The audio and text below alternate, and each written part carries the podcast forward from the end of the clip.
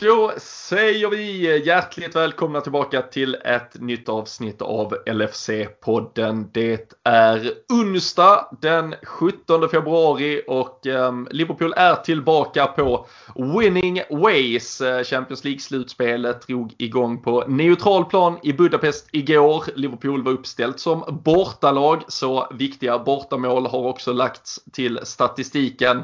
2-0 seger mot RB Leipzig blev det och eh, nu väntar retur om ett par veckor. Kanske på Anfield, kanske någon annanstans. Eh, vi får se vart, eh, vart fotbollen spelas framöver. Det är ju väldigt många olika instanser som ska in och pilla i det. Men där är ju ett tips att eh, besöka LFC.se, svenska supporterklubben som ni vet att vi alltid har med oss. Men eh, de har ju också en eh, hög frekvens på uppdaterandet när det gäller sådana där nyheter som man behöver hålla koll på och följa med i dagligen. Sen får ni ju alltid våra poddar med tankar och tyckanden kring högt och lågt kring Liverpool och är ni Patreon-medlemmar så får ni dessutom ytterligare material. Kan tänka mig att det är dags att ta en avstämning på vår vårspurt i fantasyligan snart. Men eh, också andra specialavsnitt. Ni har ju alla våra olika tävlingar och annat kul där. Eh, I samband med att Champions League drog igång här nu så kör vi också resultattipset till exempel. Men massvis med extra material får ni inne på Patreon.com. Sök upp LFC-podden. Häng med där. Nu ska ni som vanligt sätta er till rätta och så drar vi igång ett nytt avsnitt av LFC-podden.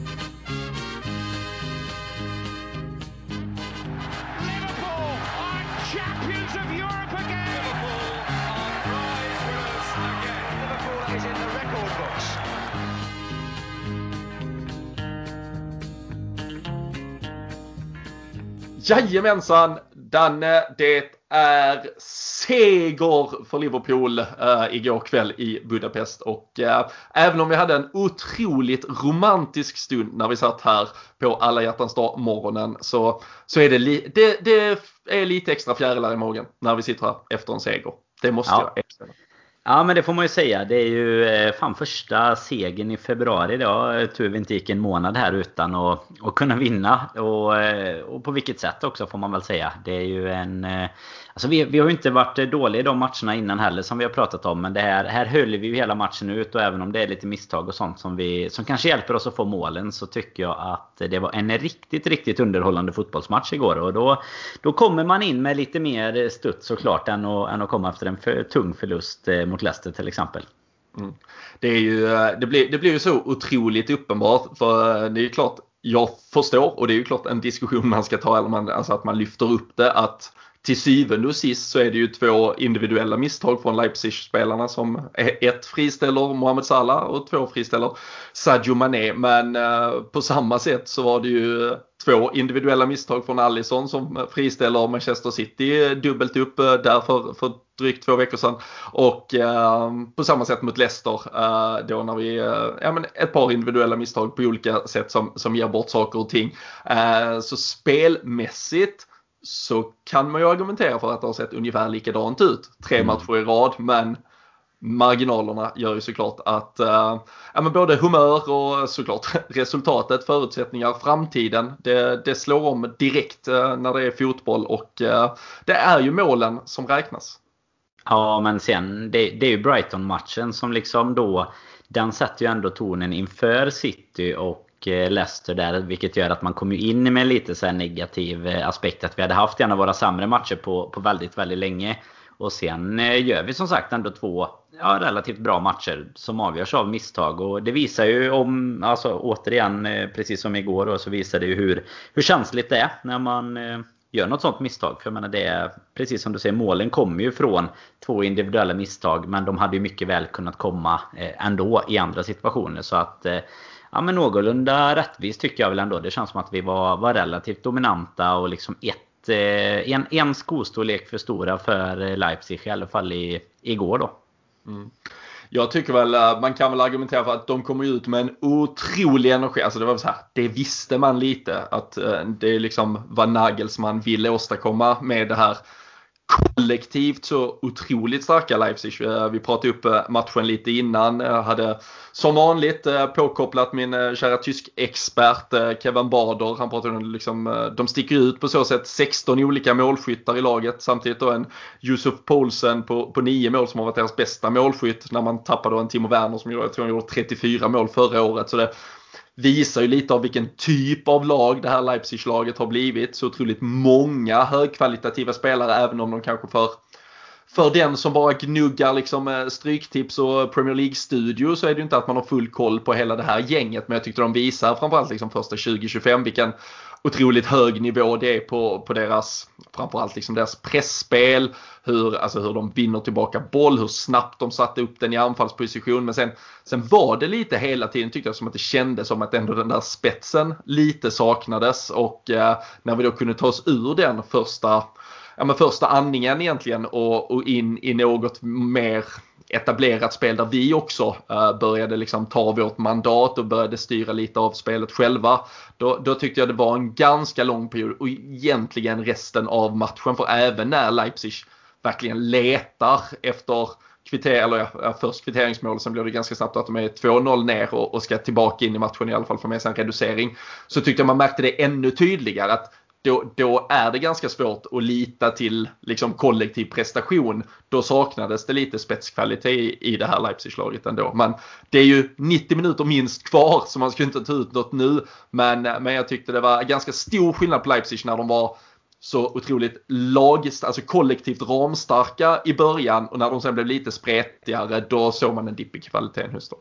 Ja, man, som du säger, man, det, det är ju första 90 minuterna av två matcher såklart. Men eh, det, det, är väl också så att deras typ av spelsätt passar ju oss mycket bättre. För vi är ju lite, alltså samma typ av, av skola så. Alltså vi, det är ju det vi har saknat lite nu. Den här typen av pressspel som de startar matchen med. Det får ju också upp vårt tempo i laget något enormt. Och det, det är det jag menar som gjorde att det var en otroligt underhållande match att kika på. Även fast det stod 0-0 väldigt länge då. För att det, det är ju om du tittar på City-matchen eller Leicester-matchen så är det ju inte alls samma liksom Alltså kvalitet är väl fel att säga för individuellt finns ju kvaliteten men det är inte samma underhållningsvärde i matchen. Här var det ju liksom två lag som ville, alltså satte i stort sett full fart framåt. Och, och, på något sätt känns det som att vi blir ju, alltså det passar ju oss på ett sätt. Vi blir nästan bättre av att de sätter den farten. För då gör vi detsamma. Alltså, det var ju den, det pressspelet som Mané, Salah och Firmino bjöd på igår har ju inte funnits i många av de matcherna nu sen det börjar gå relativt tungt. Och kanske faktiskt inte nästan på ett kalenderår om man ser det så då med tanke på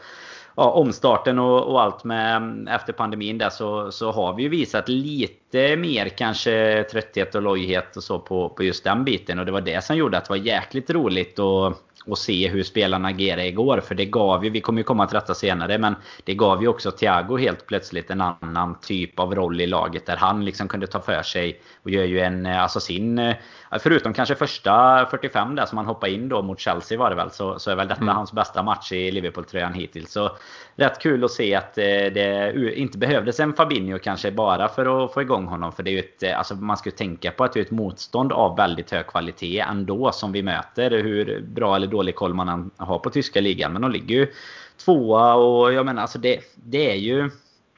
Det på något sätt så blir det ju att det passar. De, de hade ju lite samma typ av problem som vi har haft nu det sista. Jag tycker lite som du säger, kommer vi förbi deras första press så var det ju ytor för både Mané och Salah att springa på. Det fanns ju faktiskt lägen att det kanske skulle blivit ett eller två mål innan vi väl gjorde något. Och sen hade ju de i och för sig någon nick där i stolpe som misstänkt offside sådär. Men det, det blir en fråga. Det, eller det blir en icke-fråga så länge det inte blir mm. något mål. Men eh, Nej, en eh, underhållande match och det är såklart inget som är avgjort efter 2-0. Men eh, som du var inne på, det var ju inte hemmamatch egentligen för någon av oss. Men eh, de var ju hemmalag i alla fall. Och Konstigt nog så ska ju bortamålsregeln gälla ju även om man spelar mitt under pandemi och får spela i Budapest istället för på sin hemmaplan och sådär. Så nej, det, det är ju det är liksom lite så här matchboll redan från start känns det som inför andra mötet i alla fall.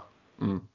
Och jag tycker också man, man ser så otroligt tydligt och det som är så efter, som du är inne på, det, vi möter ju plötsligt ett, ett lag som inte har suttit och specialstuderat hur eh, West Bromwich försvarar mot oss mm. utan ett lag som faktiskt har en, en egen idé om hur fotboll ska spelas och den kommer de stå fast vid och så kommer de möta oss och, och då blir det den matchen det blir. Och så får man se om våra egna styrkor så att säga räcker till för att besegra detta. Man går ut för att vinna på, på eget på sin egen kapacitet egentligen och eh, där tycker jag också det visar hur hur mycket bättre det vi är när, när det blir den här typen, när vi får den draghjälpen att dra upp tempot.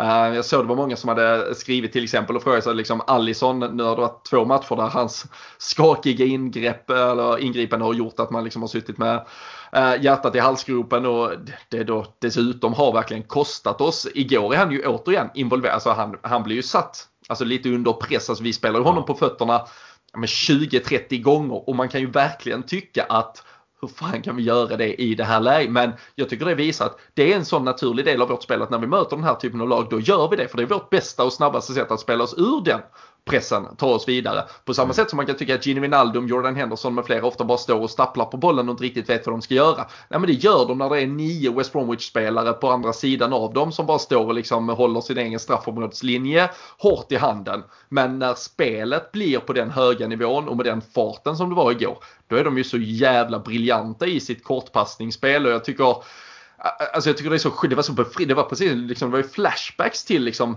hur vi vet att det kan se ut med Jordan Henderson till Andy Robertson in centralt, tillbaka till Robertson, upp till Mané, Mané tillbaka och så in och så alltså det var, det, det började gå på ett snöre igen för att vi fick draghjälp. Sen kan man då tycka är det smart av Nagelsmann att, mm. att spela på ett sätt som gör att vi faktiskt kan, kan lyfta upp våra styrkor lite igen uh, på en nivå. Men, men så är det och det är kanske därför också Champions League det är svårt att argumentera för att Premier League inte har passat oss när vi har till typ 200 poäng på två säsonger. Det gjorde det ju verkligen. Men då behövde vi ofta vinna på ett lite annat sätt. Det var mycket de här tuffa 2-1 matcherna i slut vi gör.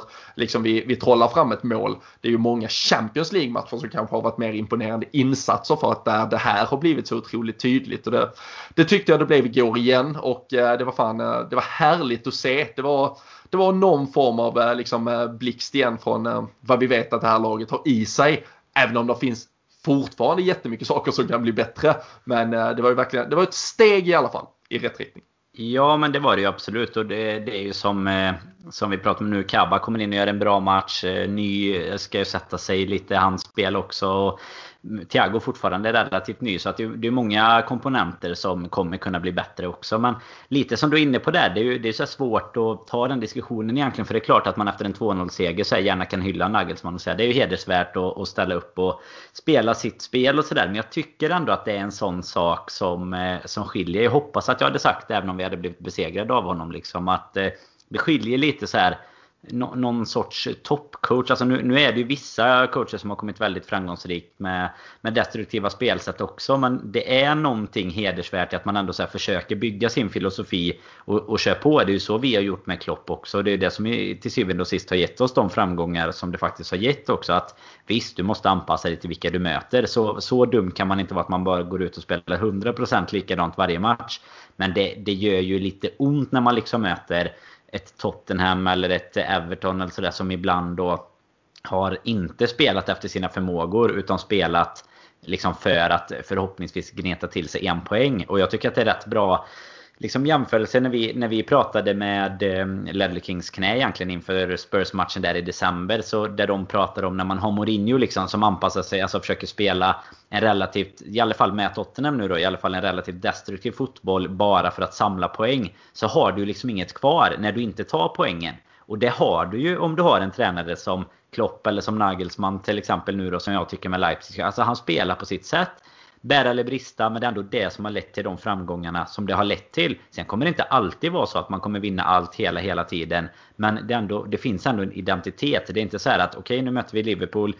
Som du var inne på där, West Bromwich till exempel. Vi scoutar den matchen, Burnley och Brighton. Vi kollar hur de spelar. Okej, okay, de stod 10 man i eget straffområde. Så ska vi göra, för då kommer de inte göra mål. Och då kanske de hade kommit därifrån med en 0-0 eller någonting. Men jag menar, med, med lite tur igår så Även om jag tycker vi är det bättre laget så är det klart att sitter den här stolpträffen och, och sådär. Och det, det kan ju bli en helt annan matchbild med. Och det ska ju en tränare och ett lag egentligen då ha väldigt mycket heder för tycker jag. Det, det kan man inte ta ifrån dem. Och så får vi väl se. Vinner de med 3-0 på Anfield så får vi väl eh, se om vi behöver klippa bort det här eh, lite då. Precis. Nej men och det, det kan man väl eh, det kan man applicera på, på våra senaste månader egentligen. Alltså när du tappar din första mittback, din andra mittback, din tredje mittback. Då kanske du ska ombalansera hela ditt lag för att inte blotta ditt mittförsvar överhuvudtaget. När din målvakt har gjort tre grova misstag då kanske du inte ska passa honom bollen. Men så tänker ju en försiktig tränare. Så tänker ju inte en progressiv tränare som hela tiden vill utveckla sitt lag och som vill ta det ännu, ännu högre. Pep Guardiola pratade ju inför deras match, de möter ju Everton ikväll, det kommer vi väl sy ihop på något sätt sen. Men han pratade ju, alltså, eller han bemötte någonstans den kritiken Klopp hade fått liksom, eller bara fick svara på liksom vad ja, hur känner du med en kollega som då plötsligt från ingenstans nästan får den här typen av kritik? Så är det, så här, alltså, det, är en, det är en tränare som har förändrat världsfotbollen. Alltså, ska vi sitta och klara, alltså, du, du kommer förlora ibland. Det är en bra verklighet. Alltså, du, du vaknar till, du behöver hela tiden förändra dig lite också. Men, men liksom, spelar du ditt eget spel och jag tror på tal om Tottenham-fansen, att de då sitter och ser en Maurizio Pochettino leda PSG till 4-1 borta mot Barcelona igår ja. istället eh, medan, medan de ska försöka brotta ner Brighton eller någonting äh, framöver. Så eh, äh, det, det, det är såklart, eh, man kan ju diskutera var man, var man landar i, i det där med filosofi och är det den enskilda matchen och vinsten som är det viktigaste. Det, det finns väl inte supermånga exempel och det det är väl delvis José Mourinho. Sen tycker jag att det har skett en jättestor förändring i... Sen kanske det ändå har varit hans... Eh, då får man ju också tänka att det har ändå varit hans spelsätt. Det är inte så att han ja. har varit... Det är liksom, då kanske han har varit det här defensiven, alltså bygga laget bakifrån, har ändå varit så som han har gjort hela tiden. Så det, det blir inte heller något unikt. Som du säger, det kanske har ändrats efterhand, men det blir inte heller något unikt. Liksom. Alltså, det är ändå det man har sett av Mourinho. Alltså, det finns ju bra. Det, det, finns ju en One We Were Kings bland annat om Porto-tiden där, alltså där, där det liksom mycket handlar om att så här, okej okay, vi byggde ett lag som var ett starkt kollektiv med ett bra försvarsspel i stort sett. Och där kan man ju då ändå ge Mourinho det att vad fan, det är, då är det nästan tvärtom att du blir förvånad. Nu tror jag inte att supportrarna i sig är förvånade, men om nu, om nu typ en eh, eh Levi eller något hade blivit förvånad Jaha, fan han försöker spela destruktivt med vårt lag ändå. Då är det ju så här, ja men det gjorde han ju med United och delvis Chelsea också tycker jag. Kanske inte precis första sessionen men men det har ju varit det som ändå har gett honom de framgångarna. Det måste man ju ändå säga någonstans. Mm. Nej, så är det verkligen. Det här blev en, en större fotbollsfilosofisk eh, diskussion än vad tanken kanske var. Det vi kan konstatera om vi spolar tillbaka lite var ju att Klopp valde då samma elva som, jag, men, jag, jag säger hela tiden nästan startade matchen mot Leicester men det gjorde den ju inte. Det var ju James Milner out på grund av skada. Thiago kom in. Eh, men i övrigt då det laget intakt. Och eh, det var vi väl inne på senast också. Vi hade ju inte full koll på statusen på Fabinho men han var fortfarande out. Och eh, då betyder det ju också att uh, Ozan Kabak fick fortsatt förtroende och han startar sitt Europa-äventyr mot finalen i sin hemstad mm. Istanbul med att eh, hålla nollan och eh, får lovord denna onsdag och eh, de förtjänar han väl. Absolut. Han eh, Alltså det, just, det är så här, det vi pratade om det i de här poddarna innan också när vi har pratat. Alltså mittbacksproblemet har, det har vi ju liksom tjatat ut folk med. Men detta ger ju en sån indikation. Även om han nu spelar bredvid en mittfältare men ändå en rutinerad sådan nu då i Henderson. Det ger ju en, den här indikationen att att du bara har en spelare som faktiskt är mittback. Vilken skillnad det gör i spelet och hur mycket mer liksom positionssäker och bekväm och, och sådär han är i spelet. Och jag tycker att han var det mot Leicester också egentligen. Det var väl oturligt att det var just han som fick en knock av Allison i, i liksom 2-1 där som Jimmy Vardy gjorde. Utan tycker inte att han gör en dålig match där heller. Och det är ju någonting i att du spelar din naturliga position. För jag menar, ha två mittfältare där nere eller liksom ha en mittfältare jämte en, en junior. De lyfts ju. Det, vi har ju diskuterat det hur många gånger som helst. Hur bra spelare har blivit bara för att de spelar jämte van Dijk. Det är ju Matip och det är Lovren och det är eh, Gomes eh, som utveckling liksom alltihop. Så att det gör ju väldigt mycket och då märker man tycker jag att han väl, alltså han, han tog ju dessutom för sig ganska bra faktiskt vad gäller, han var ju på en del offensiva räder och sådär eh, också. Han var uppe vid hörnflaggan och pressade någon gång när, när han eh, tappade boll på väg upp och sådär. Så eh, nej, han, han förtjänar de lovorden och har väl visat liksom att det, det finns någonting där att bygga vidare på nu för, för våren här. Medan vi fortfarande sitter utan resterande backar egentligen. Mm. Nej men alltså det, det tycker jag är, är självklart. Jag tyckte han var bra mot Leicester också och jag tror hade det inte varit för framförallt då Allison situationen så, så hade man inte ens diskuterat. Då hade man pratat om en, ja, men en ganska solid, så här, helt okej okay, eh, debut i alla fall. Liksom, eh, inget eh, varken bu eller bä egentligen och så byggt vidare på det. Och sen tycker jag han gör en riktigt bra match igår. Alltså, man måste ju komma ihåg, det, det är också sådär alltid, man pratar om 20-åriga spelare som kommer in och alltså det är ju näst, han är ju nästan på, i ålder med en Rhys Williams så är det liksom en 20-åring från en egen ungdomsakademi som tar klivet upp och gör den här typen av insatser. Då, då pratar vi om som att det är liksom, då är det, det är direkt the next big thing. Alltså det är ju en helt annan kravställning nu. Jag förstår att det är klart det ska komma ett visst lite annat krav kanske då med en prislapp och någon förväntning och vad du har presterat tidigare och så vidare. Men att han går in i sin andra match Eventuellt då med ett litet frågetecken från då specifika situationer från Leicester-matchen som är hans debut. Det är ett Liverpool som som svajar som det plötsligt stormar i som är under press. Liksom, han har varit där i en vecka och sen är det liksom rykten om att eh, den ena och den andra bråkar och allt men jag förstår att han lever i det och upplever det på ett helt annat sätt. Men att gå in då med den självklarheten jag tycker han gör det eh, igår det tycker jag är riktigt imponerande. Som du sa, han, han för, ett par gånger driver han ju upp bollen själv. Han tar det mandatet, han vågar, han spelar ganska liksom svårt, ganska aggressivt liksom passningsspel, vågar sätta bollen högt upp. Den ska liksom, den ska igenom mittfältet ibland. Mm. Sen är han liksom positionssäker också den gången han behöver verkligen ta en smäll, ta ett gult kort. Han är liksom, det är väl eh, orange kort, absolut. Men liksom då, då är tvekar han inte heller. Han går in och smäller på. Han får någon armbåge i huvudet och liksom det är, ja men han visar med ja, men en pondus och en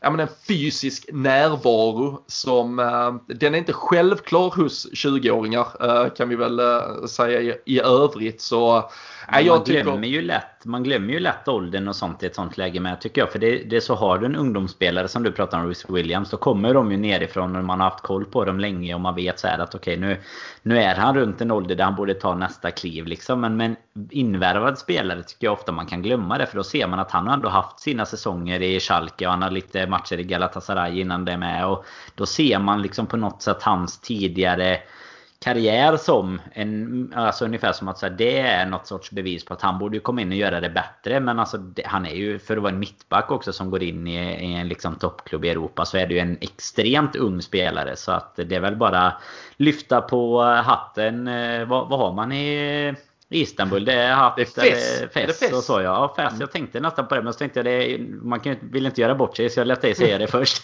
så, så det är bra. Ja, jag, jag, tror inte vi, jag tror inte vi har trampat på någon tå om vi skulle ha något fel här på eh, det exakta. Men ähm, jag, jag är väl rätt säker på mina turkiska huvudbonader är ett starkt ämne om det skulle komma in frågesport. Så.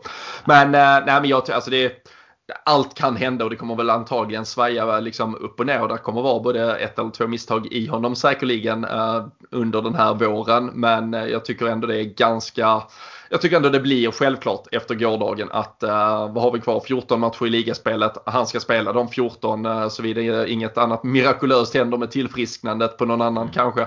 Men, uh, och så förhoppningsvis då ett, uh, en handfull uh, slutspelsmatcher i Champions League om detta äventyret varar lite. Det, det, är, det är bara att behålla honom där, köra på. Det jag däremot kanske tyckte att jag till slut nu kom till insikt med under gårdagen. Jag har ju verkligen liksom vaknat upp varann, alltså det har varit eh, olika konstellationer i mitt huvud varje dag jag har vaknat.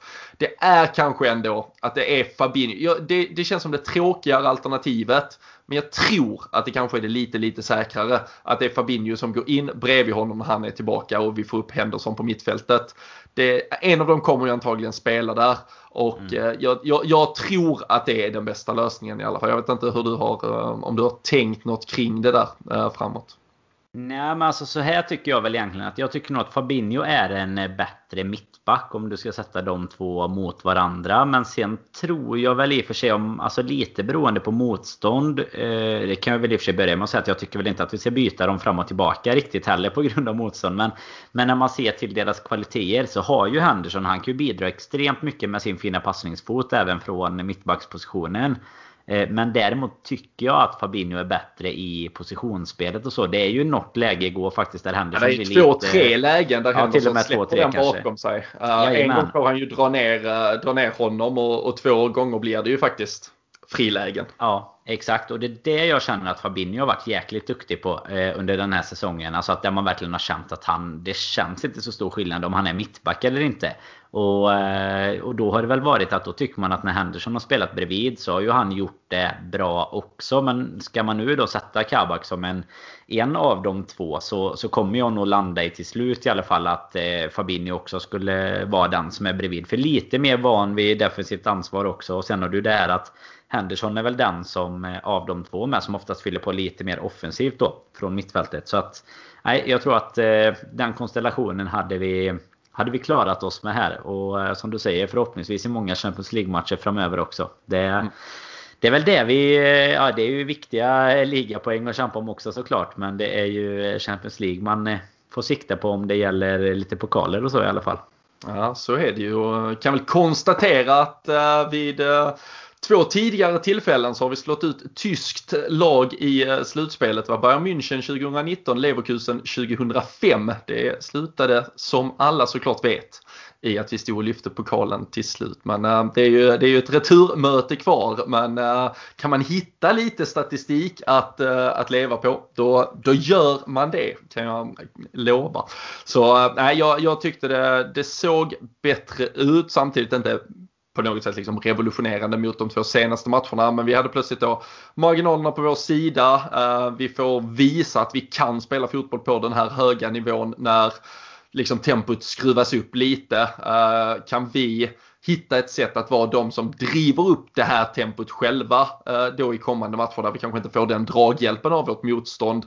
Då, då tror jag mycket är vunnet och jag tror också att det mentalt var nog, alltså att det kanske är det absolut viktigaste, att man då känner att man slår tillbaka lite, att man får något nytt att drömma om. Det är en returmatch om eh, som sagt två, tre veckor, den ligger lite längre fram. Nu måste vi behålla formen bara för att fortsätta det Champions League-äventyret och så bara leva på det helt enkelt och ta det med sig in i, i ligaspelet. Det, det tror jag kommer ge jättemycket. Och eh, det var kul att se fronttrion. Två såklart mål, Mané och eh, Salah, båda de två. Tycker Firmino är, är bra i sitt. Han ska nog kanske också ha ett mål. Eh, mm. Millimeter eh, avdinkning på, på Mané där nere på den förlängda mållinjen också.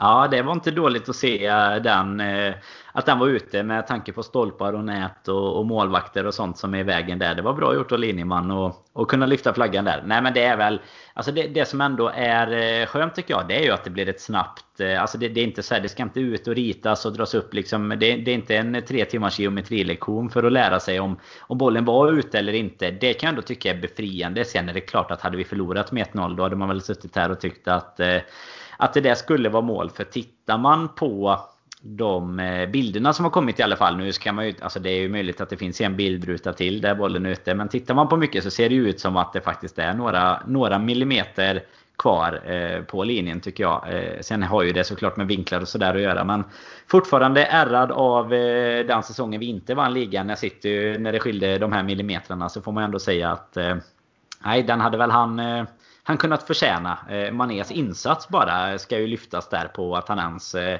tar den bollen. Alltså det är ju någon... Eh, det är men en hela, karatespark hela... än, vad, än vad Firmino brukar göra på målgesten. ja men precis. Men he, hela aktionen har ju liksom det är ju typ tre urusla insatser och tre helt mm. fantastiska insatser i samma aktion. Liksom det är så här, bollen för långt ifrån sig och sen plötsligt, oj han fick tillbaka bollen och sen liksom, ah, och där snubblade den bort igen. Men oj, han fick in den igen liksom. Så det, och det, alltså, det sammanfattar väl, ja, tyvärr säger jag väl kanske ändå liksom Sadio Manés senaste månader att det, det är ju inte det är ju inte glasklart vad, vad han sysslar med. Eh, sen tyckte jag han var bra igår eh, generellt i, i spelet också. Och eh, man kan väl också om vi stannar lite vid, vid dumma diskussioner så tycker jag det är ganska skönt att se när Mohamed Salah och Sadio Mané spelar i Europa istället. För då finns det inget eh, bias mot dem utan eh, är någon och sparkar dem på hälarna då blir det frispark och oftast gult kort dessutom till den som har gjort det. Medan det är ju eh, 7 på 10 i Premier League så är det bara nej nej där var någon boll eh, enligt domaren och så. Och så släpper man det vidare. Eh, det var väl, var det Tottenham på, på Anfield när Aurier sparkade ner liksom Mané sju gånger innan man ens eh, dömde en frispark för det. Eh, det, det tycker jag är, är väldigt skönt. Sen, sen är det ju fan befriande och det ska väl inte vara en lång rant om internationell domarstandard men eh, alltså det, det är ju en helt annan nivå generellt det, det man fick, fick se igår. jag håller helt med dig om att vi, den, den var kanske inte ute den där bollen då men om det var den där millimetern det stod full på och vi ändå har en linjedomare som har dratt ett beslut att jo, jag tyckte fan den var ute. Ni ska inte behöva sitta med 28 skärmar här. Ni kan ta en överblicksbild och säga ja, det ser fan ut som den är ute. Då kör vi på ditt beslut. Klockrent. Exakt samma sätt vill vi ha offsider, handsituationer och annat. Vi hade ju en handsituation. Vi har ju knappt sett repriser på den för det var inget man behövde väva vidare. Nej utan... det går ju så fort liksom. Ja, de bara det... drog, helt plötsligt var matchen igång så de ja, hann inte ens visa repriser egentligen. Utan det var väl så här någon i luren bara du det, vi kör vidare. Och sen fick ju producenten bara köra match igen. Det, ja, och det är ju så det ska vara det är ju en nick och den är ju antagligen ner på handen för annars hade det inte ens varit diskussion. Men det är ju så här, ja men vad fan du, domaren ute på banan släppte ju det han till. Att vad fan spela på liksom och då ska det ju vara, nej då ska det ha varit ett mord här i straffområdet som du har missat. För att vi ska gå in och pilla i din match. Du sköter ju detta. Vi låter dig sköta det. I Premier League så är det ju, alltså de, här jävla, alltså det är så mycket, de, de vill ju synas och höra så mycket varenda jävel så är det inte liksom, är du inte huvuddomare själv och kan förstöra showen då vill du ju sitta bakom skärmen och liksom dra ditt stå, strå till den här jävla dynghögsstacken egentligen liksom. Och det, mm. det har ju gjort att, äh, det har ju blivit äh, parodi. Jag, jag skrev, jag, jag ska undersöka, jag, Mohamed Salah var ute efter, det var väl West Ham-matchen där när han kritiserade hela det här VAR-systemet och allting och sa han, han upplever det som att det är andra regler i Champions League. Ja. Det, det, är ju inte det äh, egentligen men det är ju just bara tillämpningen som är så jävla mycket bättre och att domarna på planen lämnas med mandatet. Alla litar på dem. Här mm. har vi satt in riktigt bra domare. De har liksom ändå ögon på vad som sker de assisterande domarna de drar sin flagga ibland kanske med den här en halv sekunds extra marginal för de tar lite tid och sådär. sådär. Men alltså det här med Premier League där de släpper sju meters offside för att oj om och kanske och fan vet och hans muster liksom vi får gå tillbaka. Det, är ju, det, det ser du ju ingenting av i Champions League utan här drar de och sen samma sak där. Var det inte liksom eh, åtta meter fel, äh, men vad fan då kör vi på det. Det ser ut som offside. Klockrent, perfekt, tack så mycket, hej, kör. Så eh, alltså kan man få den typen av VAR som eventuellt skulle kunna dubbelkolla en, en handsituation och så vidare. Perfekt, gärna. Och så gärna de här domarna också, men de kommer jag inte få. Men systemet, alltså det är Nej, det, vi har ju inte pratat om det. Det var, det kom ju, det var väl i, i måndags liksom kom bilder till, till slut. Så här, 48 timmar senare inser man att liksom de här jävla offside-linjerna i Leicester-matchen har dragits genom fel del av armen typ. Och man bara så, mm. nej vad fan. Och det var något knä och, och ja, lite sådana grejer också liksom. Så, eh, men äh, det var ju fan äh, hjäl hjälte till den fina slovenska domartraditionen också där efter Skomina. Äh, så verkar de ha en äh, ny bra jävel på gång. Han, första där när de sparkar ner Mané och så kommer en dit och klagar så är det bara smack smack två gula kort rätt i huvudet på dem bara. Det, också, så det ska det, det, absolut finaste, det var ju ganska tidigt i matchen. Det var ju på tal, det var väl kanske den eh, tacklingen du tänkte på där bland annat. Men Mané han får den på i stort sett mm. mitt på vaden så liksom det. Och det är inget skitsnack med den domaren. Det kan man ju lova. Det, du vet, de kan eh, omringa våra domare, eller våra säger jag, men alltså de i, i Premier League då. Men, men det är bara, han löper liksom fram, har kortet så fastlimmat i handflatan och bara trycker upp det i ansiktet på honom. Alltså typ som att så här Alltså säger du något nu så ryker det. Alltså, jo, nu menar jag inte ryker som ett rött kort utan då menar jag att han sänker honom om man, om man säger något nästan. Så, det, var ju det, här... i, det var ju faktiskt en engelsk domare nu i Championship som gick fram, jag tror det var Championship, kanske League One, jag har bara sett det snabbt. Han gick fram och skulle skalla en, en spelare. Det var, Ja, helt otroligt. Ja, han gick fram, du vet, körde den här klassiska panna mot panna. Så här, riktiga Balkan eh, ja, men det önskar man ju. Man önskar ju ändå att den, det fanns lite mer sånt. Eh, liksom lite som det kan vara mellan spelare ibland. Att det var någon domare som var så, så här, Vad fan snackar de? Och så, och så drar den panna ja. mot panna där. Nej men just det här att domarna är så. Och det tycker jag, alltså det är inte just. Eh, det, det tycker inte jag har varit så speciellt för den här matchen. Utan det upplever jag ganska ofta i Champions League. Att det är mycket mer så här Alltså de, de, de, de tar ingenting. De tar inget snack. I Premier League blir det ofta så här. De håller ut armen lite och visar så här. Äh, men eh, kom inte och snacka liksom.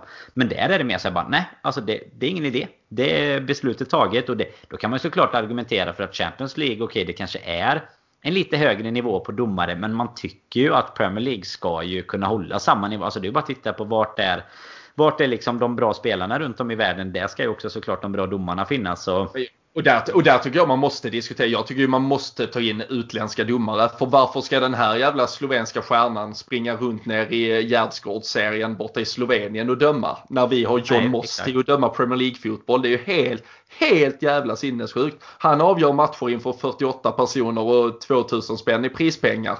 Och så är det John Moss, 58 år med ölmage som liksom ska bedöma vilket lag som ska få 3 miljarder i Premier League-pengar nästa säsong. Liksom. Det, det måste ju vara en sån grej som kommer ifrån eh, alltså FA egentligen. Alltså typ lite som det här med ja. När, eh, när reglerna, nu kommer jag knappt ihåg hur de ser ut ens, men den här kvoten för engelska spelare och sådär. Förr i tiden var det ju liksom tre icke-EU-spelare. Nu är det längre tillbaka. Men men när du har, alltså det måste ju vara samma sak där. Nej men vi ska bara ha våra egna domare för att då kan de i sin tur då bli Champions League-domare och VM-domare och så. Men det har ju bevisligen inte fungerat för att de, det blir de ju inte. Utan det är ju andra bättre domare som dömer i de större turneringarna. Och nej, det, det får man ge ändå lite så här. Alltså man har ju ett eh, ett så hat som aldrig kommer kunna gå över till eh, hela varusystemet bara för hur det har applicerats i Premier League. Men sköts det som, eh, som det gjorde i den här matchen och som i så många andra Champions League-matcher så eh, nej, då finns det en liten... Du, eh, du, du det finns en så... liten sån här liten billig propellermotor som börjar gå igång på båten igen från djupaste havsbotten. Det är liksom Estonia-vraket som ska upp men det är ändå liksom... Nej, undersökningen är påbörjad om man säger så då. Ja, men det ska ju, det ska ju liksom finnas ett ja, men en liten, liten livrem när det, när det skiter sig helt. När något sker bakom ryggen på domaren. När något gör att vinkeln blir så jävla fel för just dig som var på planen. Men hela fotbollsvärlden ser det. Då ska du få hjälp av den här kameran till att ta det beslutet. Fine. Men där kan jag också irritera mig då på till exempel Liverpool. Jag minns inte ens om det var 2-1 eller 3-1 målet där mot Leicester. Och det visade sig Mané fick någon putt i knuff i ryggen typ så 17 sekunder innan mm. målet. Jag, jag förstår att vissa drar upp det för att det har ju uppenbarligen dömts för nästan samma saker. Men det blir också så jävla pajigt. Det är ju inte dit. Därför är vi som supportrar kanske också ta ett litet ansvar. Jag förstår att det är jävligt tråkigt att behöva ta det för det är ofta ens eget lag och så får man liksom då skita i och börja ta det. Men fan, bry er inte om det. Sånt måste vi, om vi nu är emot den tillämpning av vad som finns, Börja då inte försöka använda den när det är till ens eget lags fördel heller. Inte fan vill vi att vi ska... Se däremot så förstår jag att eftersom det har hänt någon gång så menar man på, ja men titta nu gör ni inte det denna gången. Men det vi vill ha är ju den här slovenska domaren som säger jag skiter i vad som hände där nere för 17 sekunder sedan för nu spelar vi fotboll här. Och här blev det mål. Så det blev mål, fuck it, du ska inte komma och kolla på någon kamera. Jag har tagit det beslutet, jag var där nere och såg vad som hände. Så Nej, en, uh, vad var detta? En domarhyllning? Jag vet inte fan. Ja, men det blir det ja. väl nästan. Det, det får man det, väl säga. Det är väl det närmaste vi kommer i alla fall. Ja, men det Om någon men... Eh, kan slovenska så kan jag översätta och skicka ut det. Han ska ha det. Han ska ha den kärleken. Det, det ska han definitivt ha. Men det är som du säger, för det blir alltid en fråga om så här, hur långt tillbaka ska man gå i en sån situation? Som, det är ju faktiskt 2-1 målet du pratar om. Det är ju där. Det är innan Alisson gör sin eh, Kabacke-mangling där. Eh, precis. Och det, och det är ju så här, hur långt ska du gå tillbaka? Och då är det bättre att bara... Det känns ju som att de har kommit så mycket längre med det i Champions League. Vilket de egentligen inte borde ha för de här domarna de, ja, nu vet jag inte i och för sig om alla mindre ligor och sånt. Det är väl Allsvenskan har ju det inte. Men, men mindre ligor som de har det eller inte. Men, men uppenbarligen fungerar ju i alla fall sättet de arbetar med det på. För, för det får gärna bli fel någon gång, tycker jag. Det är bara det att du behöver inte ha linjer som i efterhand då, som du sa, 48 timmar efteråt, kan komma ut och visa att ja, men fan, nu blev det... Nu trodde vi att vi gjorde först fel, sen rätt, sen fel, sen rätt. Och sen nu visar det sig 48 timmar senare då, när vi har dömt mål, att det visst var fel. Utan då är det bättre att bara så här snabbt överskådlig bild. Okej, okay, det, det var inte clear and obvious. Och det är som, du, alltså som det här med Mané där. Visst, hade bollen varit en halv meter inne på plan och han drar upp flaggan för att han råkar stå en halv meter för långt ner. Vilket skulle, lätt skulle kunna hända i liksom ja, stridens hetta sådär. Så ja, men då visade det sig att ja, bollen är ganska solklart inne och då är det mål. Men nej, mm fantastiskt. Slovenska översättare. Det måste ju finnas AI för det om inte annat nu. Så skickar vi det på uh, posten tänkte jag säga. Vad, vad, skickar man det på? Mailar? Kan vi få hans mailadress? Någon som ja. känner den slovenska domaren? ja, nej. Vi uh, stannar där i uh, den hyllningskören men vi tar väl ton i den som sjunger om Curtis Jones namn. Jag Skrev efter matchen i tillägg då till 20-årige Ozan Kabak som nu ska styra vårt mittförsvar så tycker väl jag i alla fall att 20-årige Curtis Jones ska få dominera på vårt mittfält. Eh, Jürgen Klopp vågade inte ens plocka av honom när han skulle sätta in Oxlade Chamberlain denna gången. Vi kan väl prata lite mer om ändå varför han bytte in en, en sådan spelare. Men Curtis Jones fick 90 minuter. Nu leder han uh, Scouse and Proud eh, Liverpool ute i Europa och om det behövdes mer av ett genombrott så fick han väl det på den stora scenen igår också. Ja men verkligen och vi, vi pratade ju om det sist där. Statistiken talade ju för att Klopp inte skulle byta ut honom. Eller snarare Curtis Jones statistik talar för att det inte är bra om Klopp byter ut honom. Men nej, det var eh, riktigt, eh, riktigt bra ifrån honom. Han spelar ju med, det är lite det här det vi har tyckt om. Den här, jag vet inte om man ska kalla det naivitet men han spelar ju med ett självförtroende som jag också tyckte att Kabak gjorde så sätt som du var inne på innan med lite svåra reaktioner och sådär. Som, som ändå behövs i den här typen av lag som på något sätt förväntas. Numera har vi ju, alltså Liverpool förväntas ju dominera de matcherna som vi ställer upp i med liksom tre, fyra undantag på en säsong. Eh, och det, det är ju liksom den kravbilden som finns då. Då tycker jag att det är eh, lite oväntat men ändå så jäkla skönt att se att det är just eh, Curtis Jones som, som står för den biten. För jag vet inte om jag nämnde det sist. Jag vet att jag tänkte under veckan i alla fall att han har ju gjort precis det som vi trodde att Thiago skulle göra. Egentligen. Alltså han vågar slå de lite svårare passningarna. Han är lite, ja, men lite kaxigare i uppsyn överlag på planen liksom. Och Nej, bara och uh, han, han, kan man också klistra in i laguppställningen nu. Sen är det klart att uh, en, en sån spelare kan man väl räkna med att man får lite ojämnare prestationer ifrån också. Han hade ju en, en uh, liten tid här under säsongen han inte syntes så mycket när han fick chansen. Men det kommer man bara få ta med spelare i den åldern. Så är det ju. Det kommer vara samma med Kabak och sådär. Så att det, det, är ju däremot som du var inne på ett eh, kanske hans stora genombrottsmatch. Om man nu lägger till den här fa Cup-matchen eh, när han gör det snygga målet mot Everton som kanske liksom tog honom på något sätt upp till... Men det fick väl då börja mullra lite ja, men till England liksom. Ja men mm. precis. Ja, men lite så här, om det var hans genombrott in i A-truppen så var detta liksom in i typ startelvan och eh, de 16 spelarna man ändå pratar om när, när elvan ska kritas in liksom. Så nej, verkligen. Det, det, är bara att fortsätta. Det ger oss mycket, mycket mer kreativitet på, på mittfältet. Det gör det ju absolut. Ja, och jag tycker det, det blir ju det alltså, i, i min eh, dominoeffekt av att jag ändå känner att Fabinho, jag hoppas ju att han är spelklar snart att jag vill då ha in hand mot Kabak. Då är det ju, i, i min värld så är det Jordan Henderson ju självskriven på mittfältet. Jag tycker att han fungerar ganska bra som en sexa också. Han, han gjorde ju, mm. det, det fanns en period där han inte gjorde det. Sen var det ju en period förra säsongen när Fabinho var skadad där han gick in och var ja, men kanske bäst i, ja, bäst i hela ligan eh, lång, långa stunder i den rollen. Så att han behärskar den, det vet vi. Och då istället är det ju kanske då två stycken spelare som ska ligga lite framför som, som slåss. Och, och då tycker jag det, då är det ju Thiago, Curtis Jones och Gini Wijnaldum. Och där tycker jag att egentligen Curtis Jones är mest befäst i en startelva just nu och så är det egentligen Thiago eller Gini Wijnaldum. Och där kan det ju vara snarare, det är ju, där har man ju en lyx då plötsligt för det är lite skilda spelartyper, eller mycket till och med kan man väl diskutera kring, eh, som kan ge olika eh, typer av matchbilder. Förhoppningsvis har vi en Naby Keita på väg tillbaka och alla vet vad jag liksom tycker och jag vet att man inte kan lita på honom i slutändan men det är ju ändå en avlastning och vi vet vad han kan innebära i form av liksom kreativitet och det är en spelare som också har ett helt otroligt poängfacit när han väl spelar för oss. Eh, så jag, jag hoppas ju att det också eh, i slutändan är det som gör att vi eh, inte behöver se en spelare som Oxlade Chamberlain komma in igen. Eh, det har väl kanske liksom lite så här överdrivet orättvist hängt honom. Det, det blir ju såklart eh, väldigt symboliskt när han kommer in både mot City och Leicester och vi en kvart senare har släppt in tre mål i varje match. Och eh, tyvärr igår så, så går han faktiskt in och tappar boll eh, två, tre gånger på mittfältet och, och man undrar ju vad det är han är bra på. Han är ju, just nu är han ju absolut eh, ingen kreativitet offensivt. Han bidrar ju inte med någon som helst stabilitet eh, på mittfältet heller i form av liksom, det är ju ingen jätteskicklig passningsspelare på de korta ytorna. Och igår eh, hörde man ju till och med då, återigen på grund av publik, eh, eller publiklösheten, hörde man ju typ Henderson eller någon annan eh, skrika väldigt tydligt till honom att liksom vad fan sysslar du med?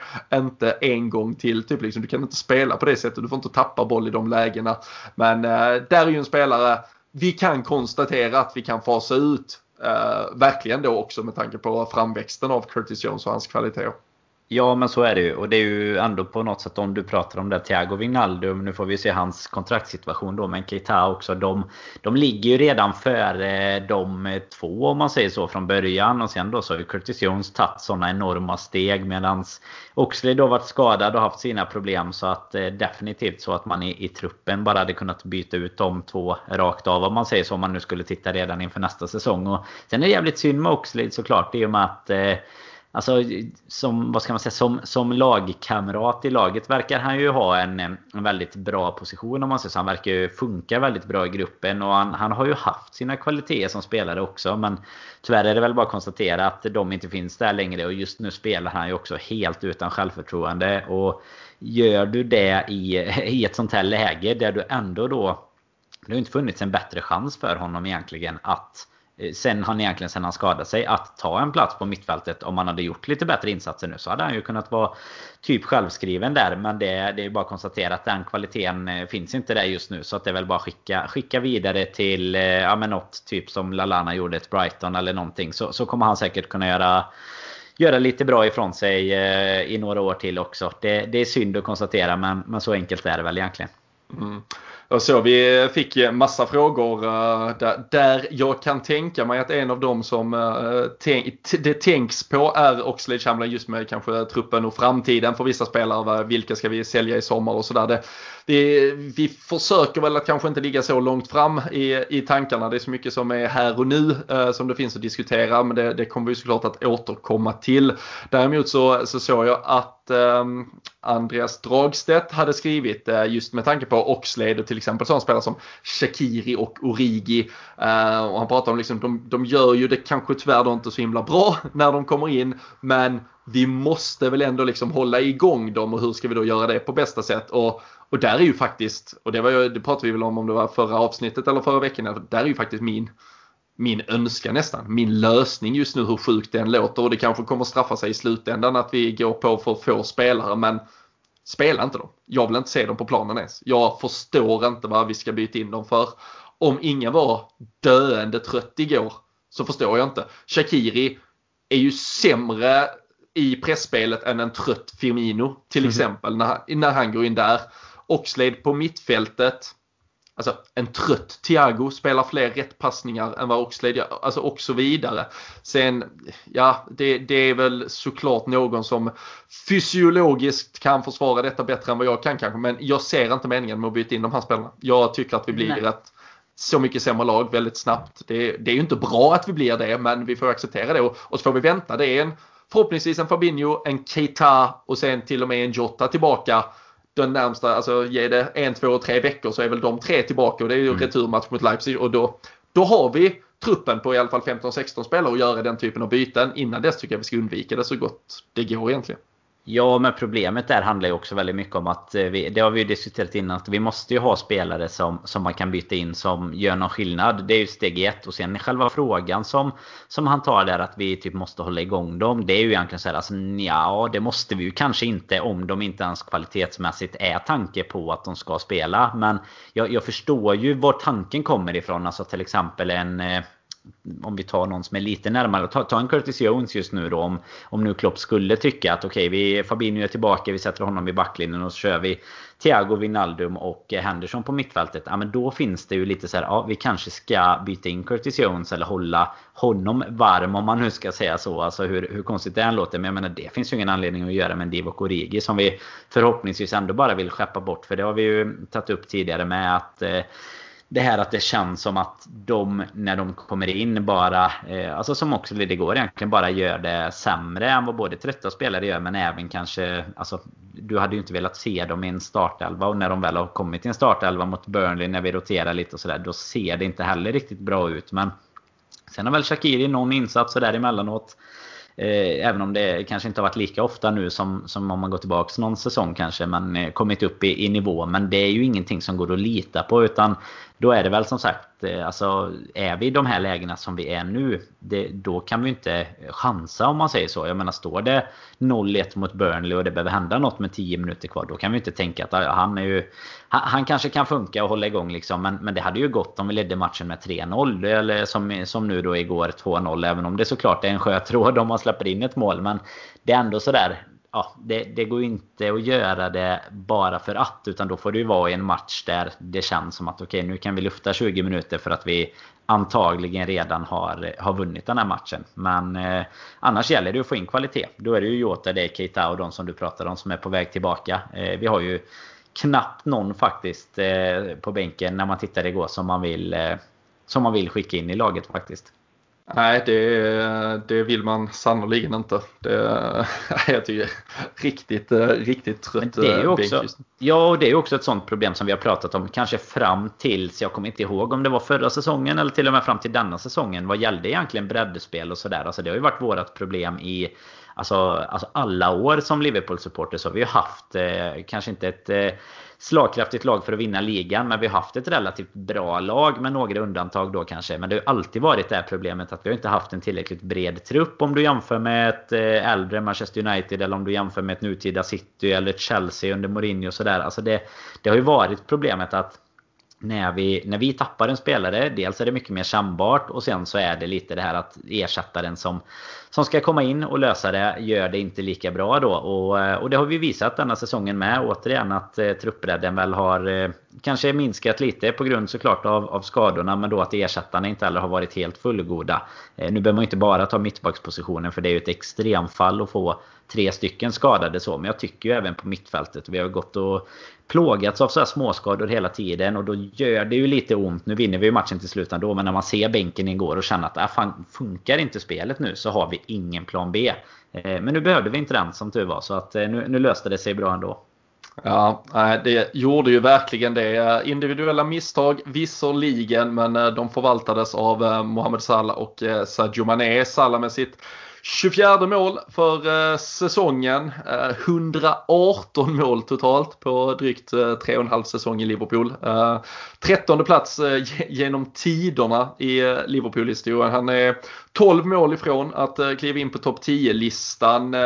Det finns ju, ja, det finns ju en sannolikhet att det skulle kunna hända redan under den här säsongen. Drygt eh, med, med lite framgång i Champions League är det en eh, 17-18 matcher eh, kvar kanske. Eh, han kan ju också explodera och göra fyra mål eh, i, i, en match, det vet vi. Det är ju en all time great vi har att göra med i Mohamed Salah. Ja men det är det och det är väl egentligen alltså ska du ta ut hela det här laget som har vunnit de här titlarna så, så är det klart det finns många spelare att, att plocka ut med deras insatser och sådär. Men statistiskt sett så kommer ju den spelaren som vi eh, kommer att, att titta på liksom när, man, när man sitter på hemmet där en dag och, och ska kika tillbaka på eh, den här epoken av Liverpool så kommer ju Salah sticka ut. För det är ju det målskyttet som man, man framförallt kommer minnas. Och sen är det väl lite sån här värvningar av van Dijk och Allison och sånt. Klopp och hela den. Alltså, det är klart att det kommer vara med där men det är ju en statistik som... Den går ju aldrig att ljuga bort. Det som du sa, du nämnde det så klokt här i början att fotboll handlar ju om att göra mål. Det är det som avgör i slutändan. Och det är ju det man kommer kunna se i framtiden med. Och vad sa du? Var det 12, 12 eh, kvar till topp 10? Precis. Ja, då säger vi, nu är det 17 februari idag, ska vi säga att det är innan, innan juni då blir det ju i och med att finalen spelar vi ju där den 29 maj eller någonting va. Så då Precis. kanske vore ett fint jubileum för honom att kliva in på uh, topp 10-listan där och då. 1-0 målet i 92 minuten mot eh, PSG i Istanbul. Mohamed Salahs 130 Liverpool-mål. Det vore någonting. Det kanske man ska lägga en liten eh, peng på. det, borde vara bra, det borde vara bra odds på den kombon. Vill jag ha ett litet, litet specialodds här på eh, detta. Ja, vi kan ju konstatera vår, vår kära vän eh, Jocke Lundberg, han tror ju på seger i Champions League i alla fall. Han gick starkt in på spelmarknaderna på sig. Han sa att han redan har gjort sig en hacka ifall han skulle sälja av det. Oddsen hade gått ner nu så han var mycket stolt över sitt spel. Men vi, vi får väl se. Det, det lever i alla fall ett Europa-äventyr. Ja. Eh, Jag såg bara... även att han satt, och, han satt och skulle reka hammambad på, eh, på Istanbul där till eh, slutet på maj. Så jag tror på Twitter. Så jag tror att han har en bra känsla. Det känns det som.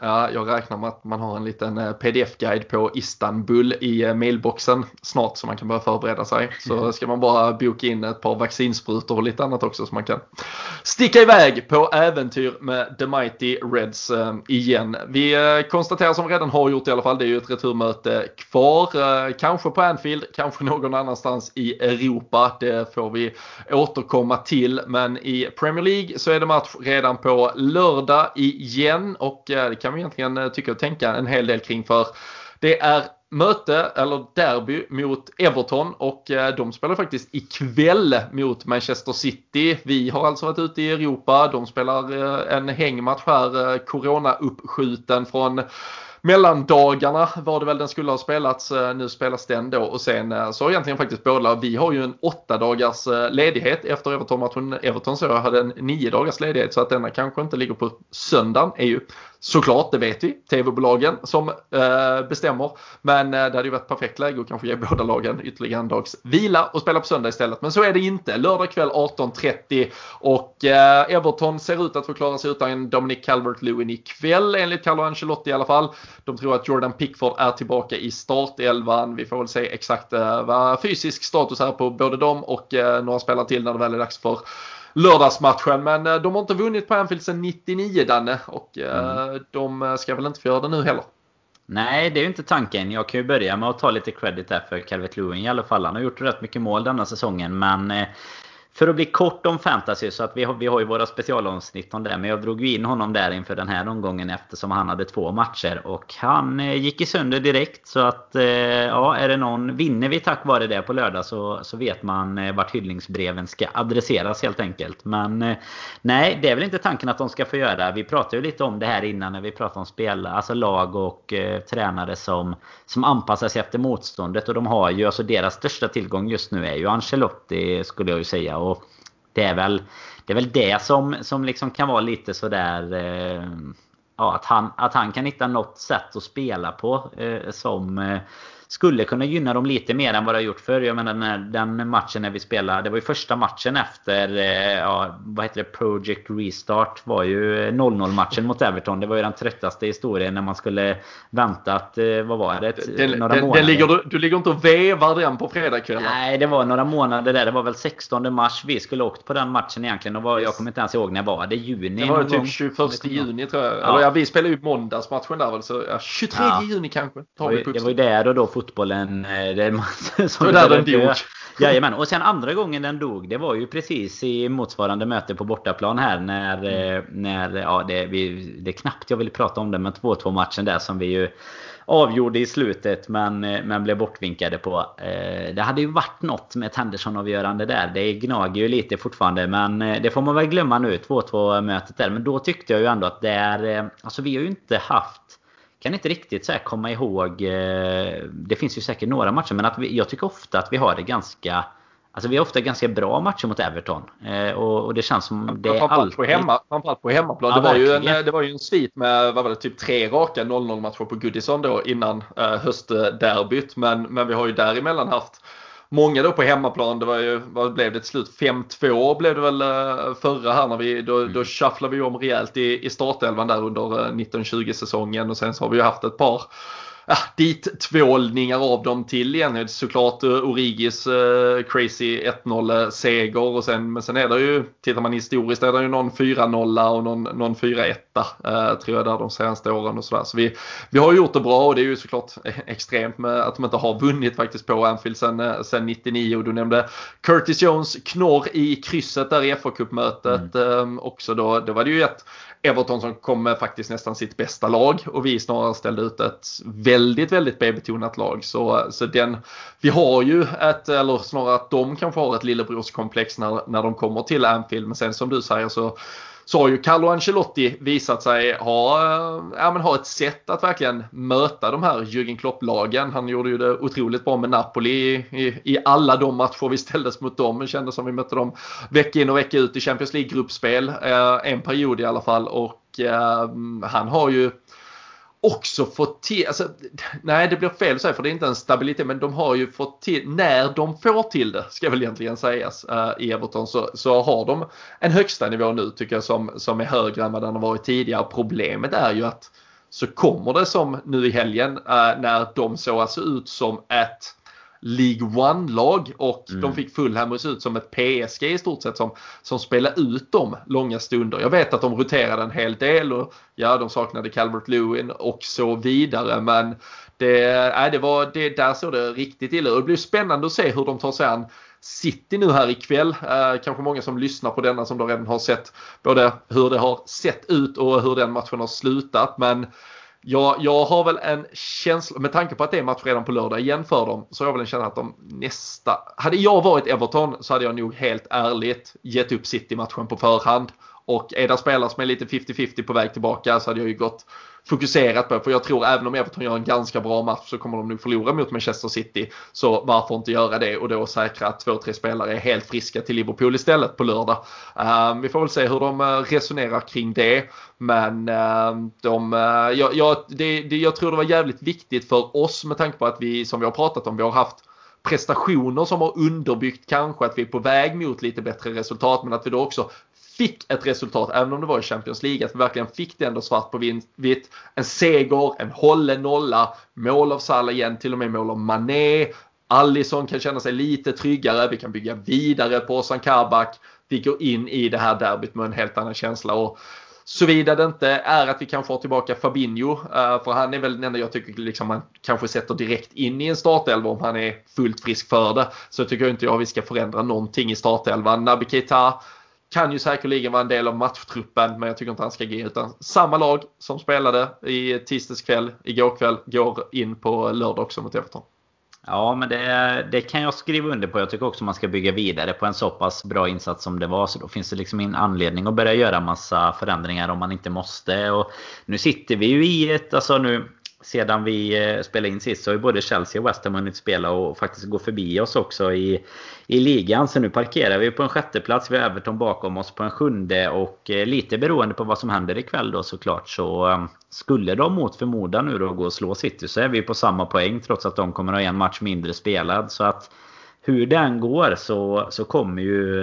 Alltså det blir ju en relativt viktig... Eller det blir ju en jätteviktig match för oss. Alltså för att hålla oss kvar mot topp 4 och hålla jämna steg där. Men också för att eh, inte behöva bli ifrånsprungna av Everton då såklart. För nu har vi både dem och Villa bakom oss som eh, har två matcher färre spelade. Så att eh, det är ganska tajt i tabellen. Det märks ju så extremt tydligt när man förlorar eh, tre matcher på rad så som vi har gjort. Hur mycket momentum man tappar såklart som lag men också hur tabellpositionerna en sån här säsong förändras. För att det är från att liksom eh, för två månader sedan har känt att det var det, det, var perfekt och det var liksom alltså, Det var ju Kommer vi etta eller kommer vi tvåa var ju, var ju frågan ungefär Tills eh, att City har börjat hitta formen och, och nu helt plötsligt så Nej, så är det lite tight här. Lite Getingbo. Tuchel har fått lite sån här ny, ny managerkänsla med Chelsea och lyckats få igång Timo Werner lite. Och, ja, men sen ska ja. säga, Chelsea, har ju alltså, det känns som att de har mött Sheffield United hemma nu i sju raka matcher också. Alltså de, de, har inte mött något, de har inte mött något riktigt fotboll. Alltså, det, är, det är ju liksom,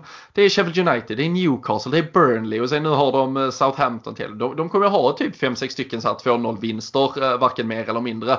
Men eh, någon gång kommer verkligheten komma ikapp. Jag såg faktiskt, jag tycker det är man får väl ändå väga in någonting i det. Men eh, nu sen så att säga tabellen eller ja, eh, vad heter det, spelschemat vände. Vi har ju faktiskt alltså de lagen vi har mött två gånger. Det är ju faktiskt City två gånger, Spurs två gånger, West Ham två gånger, Leicester två gånger. Sen Brighton som trots allt är lite på uppstuds här.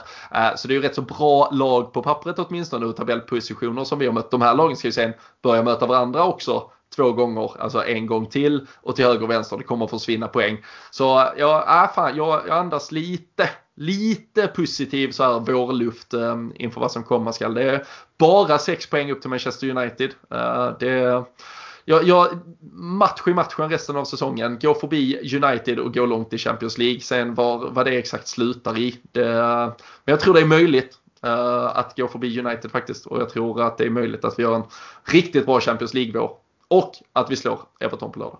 Jo, men så är det. Håller vi bara alltså, jämna steg med vad vi bör kunna prestera så ska ju en eh, Alltså en andra plats är ju, är ju långt ifrån omöjligt. Det är mer att man känner att City har sprungit iväg lite nu. Så eh, alltså hålla, hålla oss inom eh, topp 4 och på en andra tredje plats och ett bra Champions League-äventyr. Det är klart att man Det är klart att man tar det på förhand. För eh, då hade säsongen ändå inte... Alltså det, hela grejen med att vi går in som mästare. Det är ju det som gör att det känns som att det blir ett, eller vad ska man kalla det, något typ av misslyckande. Det låter ju hårt att säga det men, men i och med att det sker så här tidigt att man känner att City har ryckt iväg nu då och ändå att chansen verkligen fanns eh, det här året. Det var väl det som var, det är det som gör lite ont och gnager i en men eh, man eh, man kommer ju alltid upp i saden igen. Det är ju det som är det fina med fotbollen. Nya matcher, nya säsonger, eh, nya helger att eh, njuta av. Och, och kommer man bara komma iväg sen igen så struntar man väl i vilket. Och då får det väl bli eh, den här, vad heter den nya? Det finns ju en ny Europa League nu Robin. Under, ja, Europa, under Europa League.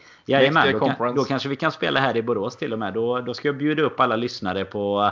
Då blir det grill på altanen och sen Borås Arena med Liverpool borta. Den, den är spikad om vi hamnar i conference. Så har man ändå något att se fram emot om det nu blir en... Jag vet ja. inte ens vad som går dit. Åttonde plats ja, kanske eller någonting. Jag ska faktiskt säga så mycket som att jag tror inte ens att Premier League har någon plats dit. Om jag ska vara helt Jag är inte helt säker. Då, då stryker vi inbjudan. det här gäller inte ja, det, för alla det, lag. Ja, jag, jag, jag är högst osäker. Uh, Nej, men, jag faktiskt ingen, ingen Det är väl möjligt det kanske är så att det är Europa League och så är det de eh, jag ligorna som inte spelar där. De ligorna som nu inte ens får en plats i Europa League. Till exempel Allsvenskan har väl liksom nedgraderat så långt så de kan bara, alltså utöver typ en kvalplats till Champions League som då ska få bli typ 400 motståndare uh, så ja. börjar spela i juni kval. Så är det nog att tvåan och trean istället för Europa League så har de Europa Conference nu. Tror jag det. Annars hoppas jag på typ något slovenskt där vi kan uh, hälsa på domaren från igår och ta en bira med honom. Det blir perfekt. Det är taget. Ja, Ja, det är taget. Och äh, vill man, eh, du pratar lite resor och sådär och fy fan man eh, saknar ju det, man längtar till det. Vi gjorde faktiskt ett litet specialavsnitt som vi har lagt på vår Patreon-sida där vi pratar om just äh, ja, reseminnen, bästa platser, smultronställen i Liverpool, hur man reser dit, vad man brukar göra där och så vidare. Så vill man få lite nostalgikänsla, drömma sig dit eller kanske drömma sig för att man aldrig har varit där än, så dröm dig bort genom att lyssna där. Det och mycket mer på Patreon och där kör vi också våra tips, tröjtävlingar, eh, alltid något kul i potten från Sam Dodds. Kan eh, passa på att påminna om att de fram till här onsdag kväll midnatt har de också 20% rabatt faktiskt på hela sitt sortiment just nu. Så in och eh, shoppa om ni behöver fylla det som vi ändå hoppas blir någon vårgarderob ganska snart om vi går mot lite ljusare tider. Eh, YNVA så är koden så får man 20% rabatt. Men tipstävlingen kan ni vara med i och då kan man ju vinna någonting alldeles gratis. Och då ska man göra som så att man inte tippar som Daniel Forsell och då måste vi veta vad man ska undvika för nitlotter här inför eh, Everton-matchen. Då är det bäst att undvika en 2-0. Vi är tillbaka nu, så minst 2-0. Säger jag med reservation för mer. Ja, uh, hur, hur påverkas det om Calvert Lewin kommer till start eller inte? Nej, men det blir Allison har, han är förbannad nu. Han har grillat och eh, tagit sig i... Eh, nej, han, han är förbannad efter allt det som har hänt i ligan här nu. Så han kommer, nu, han nu kommer spikar han igen. Det blir en helgrillad gris med liksom så röd rök över stan efter att han har eh, bommat igen inför i derbyt. Ja, men det är lite som du, du pratade om det innan, alltså det här med eh, känslan när man går hemma mot Everton kontra när man har gått borta. Det tycker jag mm. väl att Klopp mot United och Everton så har han haft lite det här. Nu när vi ändå pratar tränargärningar här under, under podden. Så eh, där har han varit lite sådär rädd och kanske ställt ut lag med lite mer respekt än, än vad han borde egentligen. Och eh, hemmaplan däremot då tycker jag att han gör tvärtom. Så att eh, nej, spika igen Allison och så eh, Sala går mot topp 10 till Istanbul där. Så han, han inte har så långt kvar sen. Ja, nej, det låter taget. Jag, äh, jag säger 3-1 äh, eh, trots allt. Äh, kanske blir äh, tyvärr en, en äh, liten kontring vi behöver plocka ut ur eget nät. Men äh, ni där hemma brukar vara bättre på det här. in och tippa och vara med och slåss om de här schyssta priserna från Sam Dodds. Match lördag kväll 18.30. Vi lägger ut på våra sociala medier när och var och hur man kan tävla. Men tills vi hörs nästa gång så tackar vi för detta så får ni ha det så bra och eh, ta hand om er.